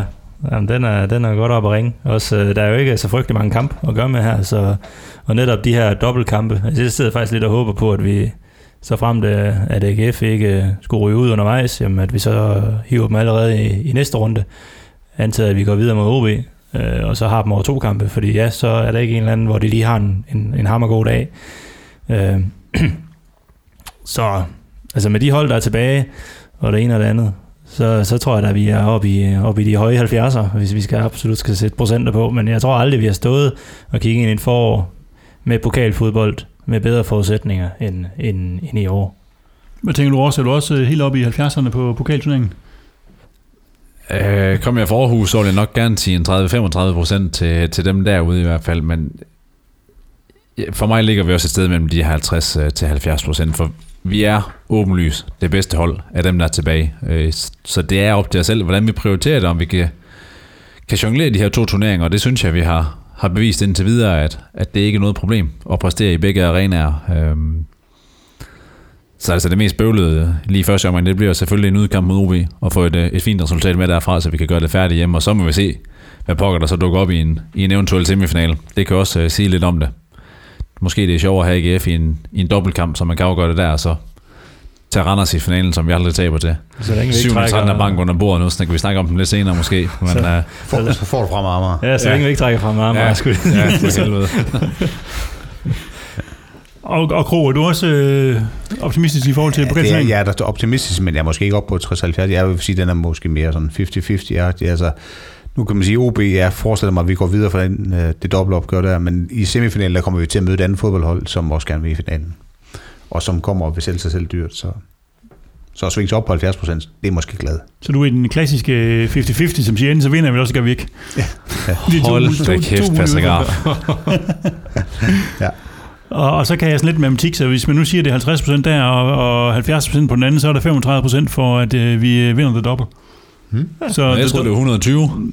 Ja, nej, men det er derfor, jeg er matematiker, og du øh, ikke er, øh, Gro- øh, Ross. Så du kan godt betale depositum til tatoveringen, men ikke, ikke det fulde beløb endnu. Nej, den, øh, det glemmer vi lige. Alt andet trofæ fra nu af, det vil folk betegne som en fiaskosæson, og det øh, skal vi presse, det skal vi bare lære at leve med. På torsdag tager vi hul på Superligaen igen, og det gør vi mod samme modstander, som vi tog hul på sæsonen mod i september måned, nemlig Sønderjyske. Deres premiere sejr dengang over os var med til at gøre de forsvarende pokalmestre til en af eftersæsonens overraskelser, da de i en lang periode blandede sig helt i toppen af ligaen, og faktisk lå de nummer 1 efter 8 runder. De sidste fem runder gav der kun én sejr, og dermed så overvintrede de på femtepladsen med 21 point efter 13 kampe. Hvad er det, øh, Sønderjysk har vist at være for en størrelse i den her sæson? Øh, Ross, har, øh, har Glensen fået sat øh, ordentlig skik på dem efterhånden, eller hvad? Oh, øh, Glenn har helt sikkert fået implementeret nogle af sine tanker dernede. Øh, men mit indtryk er, hvis man graver sådan lidt i statistikkerne, at, at Sønderjyske nok har overpræsteret, øh, hvad angår point, i forhold til, hvad spillet egentlig har berettiget til. Øh, blandt andet symboliseret ham her, Haji Wright, som har scoret øh, ufattelig mange mål på en ufattelig lav øh, expected goals. Øh, og, og, og det fortsætter sjældent over en hel sæson. Øh, og der må jeg jo sige, at, at slutningen på efteråret var måske mere et, et tegn på deres reelle niveau, end, end de første otte runder var, hvor de lidt og sensationelt jo lå nummer et, som du nævnte. Ja, fordi når man kigger på, på nogle af de, de statistikker, som vi også snakker om, ikke, så, så var dem, der lå, lavest i boldbesiddelse, de havde kun øh, altså 42,5 procent i boldbesiddelse, og, og næst lavest på expected goals, så det er jo, ikke, det er jo sådan nogle statistikker, som man normalt ville forbinde med, ja, med, med, med et bundhold og ikke et uh, tophold, øh, Nikolaj. Ja, men det er jo også netop det her, som vi, vi talte lige hurtigt om tidligere, at, at Sønderjysk er det, er det hold i, i efteråret, der har stået lavest. Altså det vil sige, der har haft flest minutter med pres på modstander, altså på den sidste tredjedel af banen. Og det er jo det her, altså, og- det vil jo typisk så betyde, at, at jamen, så har de ikke bolden særlig meget i kampen, og, og, og det de får, jamen, det er nogle af de her uh, raids op igennem banen, hvor særligt sådan en som Hardy Wright har, har haft noget succes med, med hans fysik, og, og trods alt også god speed, og, og kunne, og kunne, kunne klaske et par kasser ind. Og ja, og så har de jo klaret sig fint på den måde. Ja, og vi kan også huske det nederlag, vi fik til dem øh, i 0-2 dernede i Krog. Det var faktisk en af de... Øh, jeg vil lige sige, det var den eneste kamp, jeg så i sidste sæson med tilskuer på, i hvert fald med et andet fornuftigt, hvor jeg var på stadion. Øh, altså, det var jo en øh, nedfaldsbold efter en dødbold, og så var det en omstilling til sidst. Altså, det var jo sådan nogle øh, ja, lidt tilfældige ting, som, som jo også øh, så falder, falder deres vej, og det, og det er vel den måde, de, de har ligesom skaffet deres point, det er at være på, ja, på den type fodbold, ikke? Jo, jo. Altså, jeg, jeg har da også samtidig lidt stramt med de der statistikker, for man kan jo sige, det handler også om at være skarp, når chancerne har været der, det er de jo så. De har grebet de chancer, de har fået, og det, det synes jeg da også, man skal have en eller anden form for respekt for. Øh, Men ja, det er da ikke, fordi de har storbrilleret, og det er ikke, fordi det er lignende Barcelona, det har det ikke. Og, og den store historie i deres transfervindue, det har jo været salget af Alexander Bar til Slavia Prag, altså også, øh, dem vi slog ud af, af Champions League-kvalen i, i sin tid. Øh, Hvor stort et slag er det for dem, Kåre, de med, Det med er efter min mening deres største profil, der har forladt dem. Jeg synes, han var ekstremt spændende, både offensivt og defensivt om der. Så, så det er da helt klart en, en spiller, de får svært ved at erstatte. Ja, netop fordi de, jo spiller, de spiller det her system med altså en 3-5-2 eller noget den stil, ikke? Ja. Men hvor det jo nogle gange bliver til en 5, øh, 5-3-2 i stedet for, fordi de øh, wingbacks, de går, går lavt ned, og der har de jo så haft bare på den ene bak, og derfor har han været, været en meget central spiller for dem, øh, ja. sammen med så Magdal Hente på den, på den anden øh, bak. To offensive øh, med, med, med power, der de har haft. Og og jeg, jeg, synes, jeg kan ikke se, hvem det er, de skal være erstatte ham med, men det må vi jo se, hvad det er, der, der kommer der.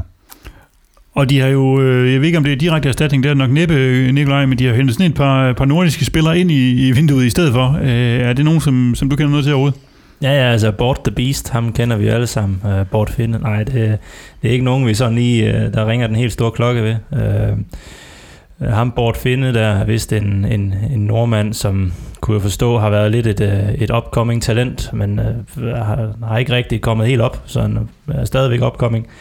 Uh, nu må vi se, om han kan, han kan realisere noget, om han får nogle minutter mod os nu her, når, når Wright han, uh, han er ude. Men uh, ja, og hvad var det ham den anden hernede? Det er jeg helt glemt nu. Så, Emil så, så Holm. meget kan jeg huske. om. Emil Holm, som Emil Holm, det var i, i dernede, Göteborg. Ja, lige præcis. Øh, igen en skandinav, og, og man kan sige, det, det er jo... Det, er jo det, det må man trods alt give øh, Glenn. Altså, det, han plejer at skabe nogle rimelig harmoniske trupper øh, med mod på tingene. Og ja, Dalhente skal jo nok også kunne få, få råbt folk lidt i gang, hvis de står og hænger lidt og er lidt, øh, lidt vintertrætte. Så det skal nok ikke, øh, jeg tror sgu ikke, det giver sig uden kamp mod os, så vi skal være klar.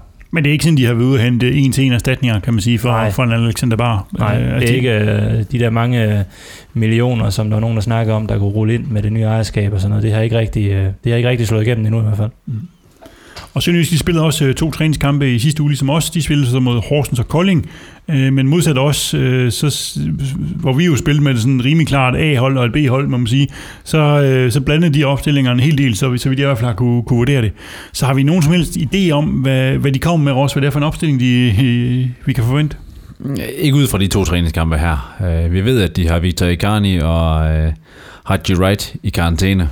Øh, Så, så det kan vi da i hvert fald konstatere, det ville være dumt, hvis I starter med de to på banen. Øh, Men ellers så tænker jeg ikke, at Glenn har lavet de store... Øh, jeg er lidt spændt på ham med Emil Holm. Han kommer ind og, og overtager for Alexander Bar, for han har ikke været med i den sidste træningskamp nu her. Så og man simpelthen er kommet efter træningskampen er spillet, det er jeg ikke 100% inde i. Øhm, men, men hvad de ellers gør, altså han skal jo nok hive et eller andet op, men jeg tænker, at han har sin stamme, øh, og kender jeg Glenn ret, så, så kører han videre med sin stamme, som hedder noget med Kanstrup og Schmidl og Gardenman og Albæk i hvert fald. Øh, Rilvan ved jeg ikke. Han har været lidt inde og ude, lidt skadet, som vi kender ham. Kom hjem med noget corona. Øh, Eskesen starter nok inden. Anders Gård Jacobsen kunne jeg forestille mig starter inden Jeppe Simonsen. Øh, Ja, så magter hente på, på den Ja, ene Mark, kant. på den anden øh, kant der. Og så jeg er simpelthen ikke nok inde i dybden i forhold på deres øh, hold, i forhold til hvem der vil erstatte en, en øh, Icarni, især på midten, om det er en, øh, hvad hedder han, øh, Rasmus Vinderslev, der kommer ind og overtager der. Men jeg tænker, det er noget af det, vi kender. Jeg tænker ikke, de kommer med noget sindsoprivende nyt, øh, som, som kommer til at tage, og, eller kommer til at tage os på, på sengen. Øh, at, øh, Sønderjysk er sgu lidt et robotshold. Er det ikke, øh, er det ikke mere eller mindre bare det, vi må konstatere, at, at man ved altid, hvad de kommer med, og selvom man ved det, så er det altid bøvl, fordi de er der altid 100% fysisk. Og hvis ikke de er der 100, så er de der 110%. Og, og der, er, der er det sgu ikke altid en fordel at møde dem i de første kampe i en sæson, hvor man lige skal ind og, og mærke det hele andet. Øhm, så det er måske nok det største stridspunkt, vi kommer til at stå i. Og, og som, øh, som Ross siger, Krog, så har de øh, Victor Icarni og, øh, og Haji Wright i karantæne, som jo har været to. Altså Wright har jo været sådan en stor åbenbaring i, i efteråret, mens øh, Icarni er, har været ekstremt vigtig på deres øh, midtbane, centrale midtbane. Så, så det betyder vel en del at de to er ude. Jeg forestiller mig, at Glenn han synes, det er noget pis. øh, det er jo deres topscorer, der er ude, ikke? og så er det deres øh, modpol til Frank Onyeka, der mangler, så det vil jeg umiddelbart vil mene var en svækkelse for os, hvis det var omvendt. Så ja, helt klart, det, det svækker dem der. Så, så de to ude, og så en, øh, et salg af en bar, som var øh, måske en tredje stor profil hos dem, øh, Nikolaj, så er det vel et, øh, et ret svækket sønderjysk hold, vi skal med. Ja, det er det. Det er det. Øh, det, der kan være x-faktoren i den her kamp her, det er netop, at det er den første gældende kamp, og de ting, men øh, alt andet lige, så, så burde vi altså stå med, med the upper hand i, i den her kommende kamp. Og man kan sige, nu betyder de her hjemmebane og udebane ikke så meget i øjeblikket, grund af, vi ingen tilskuer har, men øh, generelt har vi faktisk haft særdeles godt, godt tag på dem på hjemmebane. Altså, hvis vi kigger de sidste 10 kampe, så er det ni sejre og en enkelt uafgjort, øh, selvom det så ofte har været sådan relativt tætte kampe. Øh, men øh, dog ikke her i sidste sæson, hvis man kan huske tilbage til den, hvor vi også havde en øh, tidlig kamp på dem her i foråret, hvor vi vandt stensikker 3-0 sejr øh, i en kamp, der nok bedst huskes for øh, Paulinhos øh, drømmemål, hvor han hamrede den op i, øh, i, i krydset. Øh, og, Og for at være den sidste kamp på hjemmebane, inden coronarestriktionerne ramte Danmark. Så vi håber, det er den øh, første, sidste hjemmekamp, inden de øh, bliver sluppet fri, eller hvad igen? Og så tror jeg, du skal have en, head, eller en, øh, en varm linje over til Mette Frederiksen, hvis der skal gøres noget der. Der tror jeg ikke, jeg er helt varm nok den vej. Øh, men det, det skal jo lidt være, helst, lidt være det samme her, Nikolaj, som det var øh, der. Altså, det skal ikke blive spændende, det her. Nej, men det er altså, igen, vi skal ud og, og bulle dem ned. Altså, Sønderjysk er farligt, hvis de først begynder at få tro på tingene. Øh, så, så kan de lige pludselig rigtig meget. Så vi skal ud og, vi skal ud og mase dem, og så skal vi være ops på de der omstillinger der. Øh, nu har de ikke øh, right med, men øh, altså, de, er, de er jo rimelig skarpe på, på omstillingerne uanset. Så dem må de ikke, øh, dem, vi, må ikke, øh, vi må ikke sådan ligesom... Øh, de må ikke lulle os for meget i, øh, i belejringsmode, og så glemmer vi at forsvare, hvis de så lige pludselig får bolden, og målmanden står dernede af forsen. Ja, fordi det her, øh, som vi snakker om tidligere også, det her, det er jo sådan en, en, en must-win-kamp. Den her, det, altså, vi skal ud og vise fra start, at vi er der, og at vi er guldfavoritter, og så må en hjemmekamp mod, mod Sønderjysk ikke være, være, være en større forhindring. Nej, på ingen måde. At det så kan gå hen og vise sig at være en større forhindring, end, end vi lige bryder os om, det er jo så en anden snak, men set på forhånd, så er det en kamp, vi skal ud og have tre point i. hvis vi skal gøre os gældende om, omkring noget som helst. Og så er det næsten uanset om det er guld, sølv eller bronze. Vi skal ud og slå Sønderjyske, og længere er den ikke. Og det er også en klar forventning internt i truppen, det er jeg slet ikke i tvivl om. Men vi så jo for eksempel, hvis vi, hvis vi spuller tilbage til, da vi startede op efter corona, øh, hvor vi skulle møde Horsens på hjemmebane, Kro, hvor der også var bagt op til at sige, nu den skal vi vinde den her, og vi er øh, gode, og alt det her, og så viste det sig, at det, det, var, det var vi ikke, og, og, og vi ender med at tabe. Altså, er der, en, er der sådan en bananskrald i den her kamp, hvor man kan sige, at det her det kan, kan blive farligt? En bananskrald er der jo altid i fodboldkamp. Der er aldrig noget, der er givet øh, på forhånd, så selvfølgelig er, ligger der en, en bananskrald og lurer, men jeg forestiller mig, ligesom Peter siger, at det, det, det, det sker ikke. Altså, jeg forventer, at vi kommer og bringer noget af det her Champions League-erfaring øh, og tempo ind i den her kamp, og er spildominerende lidt ligesom vi har været i vores træningskampe, og så, så skal vi køre de der tre point hjem, og det skal der ikke være nogen tvivl om. Og, og tænker du, Nikolaj, at, at, at Sønderjysk vil afvikle kampen med at stå dybt, øh, vente på omstillingerne, og altså, de vil egentlig have, vil have det fint med at give initiativ til os, og så skal de være klar til at, til til at skyde, skyde afsted? Altså, jeg tror ikke, de har så mange andre valg. Altså, både fordi, at det vil være... Nu har jeg ikke set deres træningskampe, øh, men øh, det vil da være lidt overraskende, hvis de skifter total taktik hen over den der relativt korte vinterpause, det trods alt har været. Øh, så jeg tænker, at de, de kører samme, øh, samme klinge og, og satser på, at det er nok til at kunne få et lucky punch mod os. Hvad skal vi være specielt opmærksom på øh, i den her kamp også? Er der noget, hvor de kan ramme os, eller nogen de har, der, der, kan, der kan ramme os? Men der er jo selvfølgelig altid dødbolde. Det så vi jo sidst, øh, hvor bare han får prikket en returbold ind fra ja, men noget, noget klumpespil efter et hjørnespark. Nakken af Paulinho, hvad det var der. Ja, og, og så en omstilling, som vi også så sidst, øh, at, at det er ligesom de to primære punkter, hvor at vi historisk har haft det største besvær med Sønderjyske, for de evner ikke spil spille med bolden i et omfang, som burde kunne udfordre vores defensiv. Øh, især ikke sådan, som vi har set, de har stået her i, i træningskampene, som vi har snakket om tidligere. Øh, men de her dødbolde, det ved man sgu aldrig, det, er, det kan blive en øh, blandet landhandel. Og omstillingerne, der er sindssygt glad for, at Haji Wright ikke er med, for han har den speed, som kan udfordre vores forsvar, hvor man kan sige, en Peter Christiansen, en Anders K. Jacobsen. Øh, nu kender jeg ikke øh, Bort Finde super godt, men øh, så skal han godt nok være, være hurtig, hvis han skal udfordre øh, i et omfang, som næsten er Haji Wright øh, værdig. For ellers har de som sådan ikke nogen spillere, der tempomæssigt bør kunne udfordre os øh, vildt og voldsomt meget. Øh, men det er, da, det er da de to opmærksomhedspunkter, der er, at hvis vi får bevæget os for langt frem, fordi Sønderjyske formentlig kommer til at stå dybt, at så bliver der noget plads den anden vej. Det har vi set har kunne gøre ondt på os. Vi har set det med, med OB, var ved at lykkes nogle gange på MCH i, i efteråret. OB øh, lykkedes jo egentlig med det. Øh, det fik vi så heldigvis repareret på. Øh, så, så selvfølgelig er der den her berømte bananskralde, som du snakker om før, Kent. Øh, men den skal vi, den skal vi helst øh, navigere udenom, og så sætte os på kampen og, og gøre det så solidt, at, at vi ikke åbner for det. Og hvad tænker du, Krog, i forhold til vores opstilling? Altså, øh, er der noget, der kan vel overraske den? Som, som jeg så vores øh, sidste træningskamp, ikke, så spillede vi med A-holdet mod, øh, mod Silkeborg og B-holdet mod, øh, mod Esbjerg, og jeg vil forvente, at start 11 stort set er identisk med det, vi, øh, vi spillede mod Silkeborg. Er det også øh, det, du tænker? Jeg tror, vi kommer i vores øh, Champions League-opstilling øh, minus øh, Sori Kappa og erstattet af Pfeiffer, så tror jeg, det bliver vores øh, stærkeste opstilling, vi kommer i. Og det betyder jo så også, at der ikke er nogen øh, Jonas Løsel, men til gengæld øh, vil øh, vores øh, store profil Evander være på banen.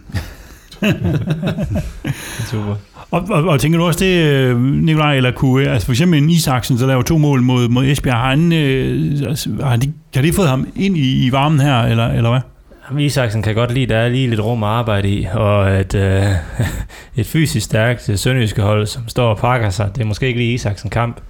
Øh, så der tror jeg lidt mere, at vi skal have nogle af dem, som, som godt kan lide at gå bredt i banen, og, og kan, kan bombardere med nogle indlæg, eller lægge den ind i, øh, i en foranfeltet ind til Nevander, eller hvem der måtte husere derinde, øh, og se om vi kan skabe noget derfra. Så en Hansen på mål, og Kuhls og Paulinho på to baks, og Svitjenko og Scholz i midterforsvaret, og så Unieka, Kajuste, Vander centralt, og så Drejer og Sisto på kanter, og Pfeiffer i front. Er det også det, du tænker, øh, Peter Ross? Ellers så skal der opstå skade her i sidste øjeblik. Jeg kan ikke, øh, jeg kan ikke se os til andet. Øh, Priske svæver typisk til at stille øh, sin start 11 i den sidste træningskamp. Det har han i hvert fald gjort sådan historisk set. Øh, og det har jeg meget fidus til, at det er de her 11, der kommer til at, at starte ud på, øh, på torsdag. Det bliver rigtig spændende at se på torsdag, når vi tager hul på øh, Superligaen der. Man kan faktisk huske, at øh, inden vi kommer så langt, så kan man allerede i morgen, øh, onsdag den 3. i anden, se øh, fanforum, og, som øh, den her gang bliver afholdt øh, online, så man øh, kan gå indgå, tilgå et link fra sm.dk kl. 18.30, øh, hvor der så vil være øh, et fanforum, så man kan få svar på forskellige ting og sager omkring klubben og holdet, så der er en mulighed for at gøre det. Normalt har det været ude i, i loungen, man har holdt det, men nu bliver det altså i år i en, i en corona-version. Øh, og så skal man også huske, at øh, coronaen jo også øh, rammer hårdt på alle mulige fronter, også øh, inden for fanklubben, øh, så øh, hvis man gerne vil støtte dem, så skal man sørge for at få gentegnet sit medlemskab øh, ved de øh, kontingentopkrævende, der er ud nu her. Selvom der ikke er så meget at være sammen om, der er ikke så mange busture, der er ikke så mange hjemmekampe, så kan det jo være vigtigt at, øh, at støtte op og, og fastholde sit medlemskab for at kunne støtte fanklubben igennem den her, øh, den her periode. Og endelig kan man selvfølgelig også øh, huske at støtte Tifo-drengene, hvis man vil det. Der har heller ikke været ret mange Tifo'er for nylig. Det er også øh, lidt en, en skidt øh, tidspunkt, men øh, jeg ved, at de har arbejdet hårdt med at lave en masse ting, så der er masser af ting klar. Så når vi engang må komme tilbage, og hvis man støtter dem, så må man gøre det på MobilePay på 600400. Nå, drenge, ny øh, forsæson, øh, ny kamp, det hele står for døren, men øh, stadigvæk en gammel tradition tilbage, øh, som jeg ved, I øh, alle sammen er rimelig dårligt til, nemlig resultatgæt. øh, og vi starter med The Reigning øh, Sock Champion derovre, Peter Ross. Jeg tror aldrig, du har ramt noget, har du det? Øh, hvad, hvad, bliver, øh, hvad bliver kampens resultat? Jeg tror, du har fuldstændig ret. Jeg tror faktisk aldrig nogensinde, jeg har ramt noget, men vi har også kun optaget tre sæsoner eller sådan noget, så det kan man ikke forvente i rundt regnet 100 kampe, at jeg kan ramme noget som helst. men, du, er en, du er en slags ekspert alligevel, synes jeg. jeg er en ekspert i at øh, forudse, hvad folk ikke skal spille på, og det har jo også en værdi. Øhm, du, er, du er stabil. Du hvad, jeg tror simpelthen, vi kører en 2-0 hjem. En 2-0 sejr, siger Peter Ross. Hvad siger du, Nikolaj? Er du også... Og nu kan jeg høre, Kentes hund, den gør her i baggrunden, det er fordi, den er fuldstændig enig. Ja, det lupus, er, lupus op og ringe. Den er helt gal, siger den. Det, det er selv, hunden gør det skidt. ja, ja, hvad jeg gætter. Jamen, øh, jeg vil prøve at jeg plejer altid at køre sådan et eller andet safe med en 2-1 eller en grim 1-0. Nej, det er din, Kent. Du plejer at køre den grimme. Men øh, jeg, jeg tror sgu, så, så siger vi 4-1. Så kan det være, det rammer. 4-1. Der er, der er målfest. Øh, Peter er du enig i det? Ja, det er jeg. er enig i, at der bliver målfest. Jeg tror, vi vinder 3-0. Så tager jeg den, øh, den klassiske øh, et-mål sejr, men øh, ikke 1-0, jeg siger 2-1. 2-1, vi tager en 2-1 her i forårspremiere. En, en grim 2-1'er. Ja. Som sædvanligt har vi også i den her sæson været ude og spørge Steinlein om, hvordan han øh, regner med, at øh, kampen den udvikler sig. Jeg håber, at vi scorer fire minutter i overtid, det afgørende mål. Så lover jeg, så løber jeg nøgen på banen nærmest. Derfor det, så bliver det vildt. Dermed slut med Sort Snak for denne gang. Husk, at du kan følge podcasten på Facebook og Twitter under profilen Sort Snak Podcast. Der skal lyde en stor tak til vores sponsor, Spanor i Herning, for at bidrage til, at vi kan lave podcasten, og til alle jer, som støtter os løbende gennem et abonnement på tier.dk eller gennem enkelt donationer via MobilePay på nummer 600508. Vi udkommer med en ny omgang så, normalt så snak igen om to uger, og inden da kan du nå at se FC Midtjylland spille hele fire gange. Men allerede i morgen kommer der en særlig udsendelse, hvor vi har sat bestyrelsesformand Rasmus Ankersen stævne til en snak om status på FC Midtjylland før foråret. Hvis du har spørgsmål til Rasmus, som du gerne vil have svar på, så skriv dem til os på de opslag, vi har lavet på vores sociale medier. Tak fordi I lyttede med. Vi ses på stadion.